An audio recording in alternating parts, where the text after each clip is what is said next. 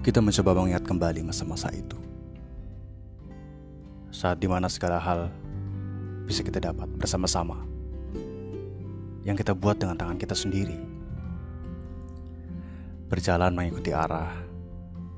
Menentukan hal yang bisa kita jadwalkan. Tanpa kita ketahui apa yang akan terjadi. Masa-masa indah itu memang sangat kita dambakan. Meskipun kadangkala kita tak pernah setuju akan ada hal yang di depan sana sudah menunggu kegagalannya. Tapi itu sungguh menarik. Karena kita tak pernah mempersiapkan apa pun. Cinta yang kita bangun adalah cinta yang selama ini kita wacanakan sebelumnya. Seperti pepohonan yang tumbuh tanpa kita tahu, tanpa kita inginkan kehadirannya ada atau seperti matahari terbit. Dia datang di tepat yang waktu. Yang pada saat itu, kehadiran matahari adalah kehadiran yang sungguh sangat kita inginkan. Menghindari mimpi buruk atau menghindari hal-hal yang akan terjadi.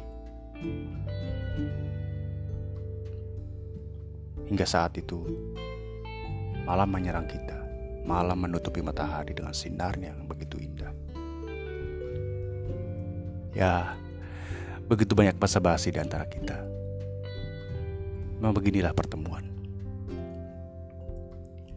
Basa-basi yang entah dari mana asalnya. Basa-basi yang entah bagaimana uh, kita merancang topik pembicaraannya.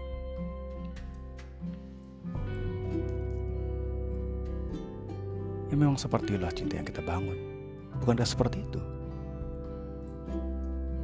Tapi kau ingat tidak? Pada bunga matahari yang kita ambil di kebun itu. Lalu kita memotongnya satu persatu.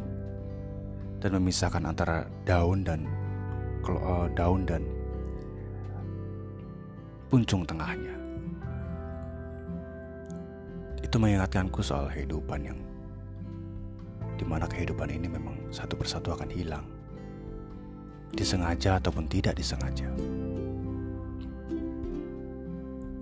Tapi bunga matahari itu kita patahkan satu persatu dengan sengaja. Bukankah itu kesenangan kita? Ya, kesenangan kita. Tak ada yang memaksakan. Tak ada kehendak yang kita atur uh, dengan strategi yang kita pikirkan sebelum itu. Sama seperti kehidupan yang kita pikirkan ya. Ia berjalan sesuai dengan rotasinya. Ia berjalan sesuai dengan apa yang uh, kita tak bayangkan sebelumnya. Tapi kita menikmati itu dengan huru hara dengan hahihi yang begitu banyak.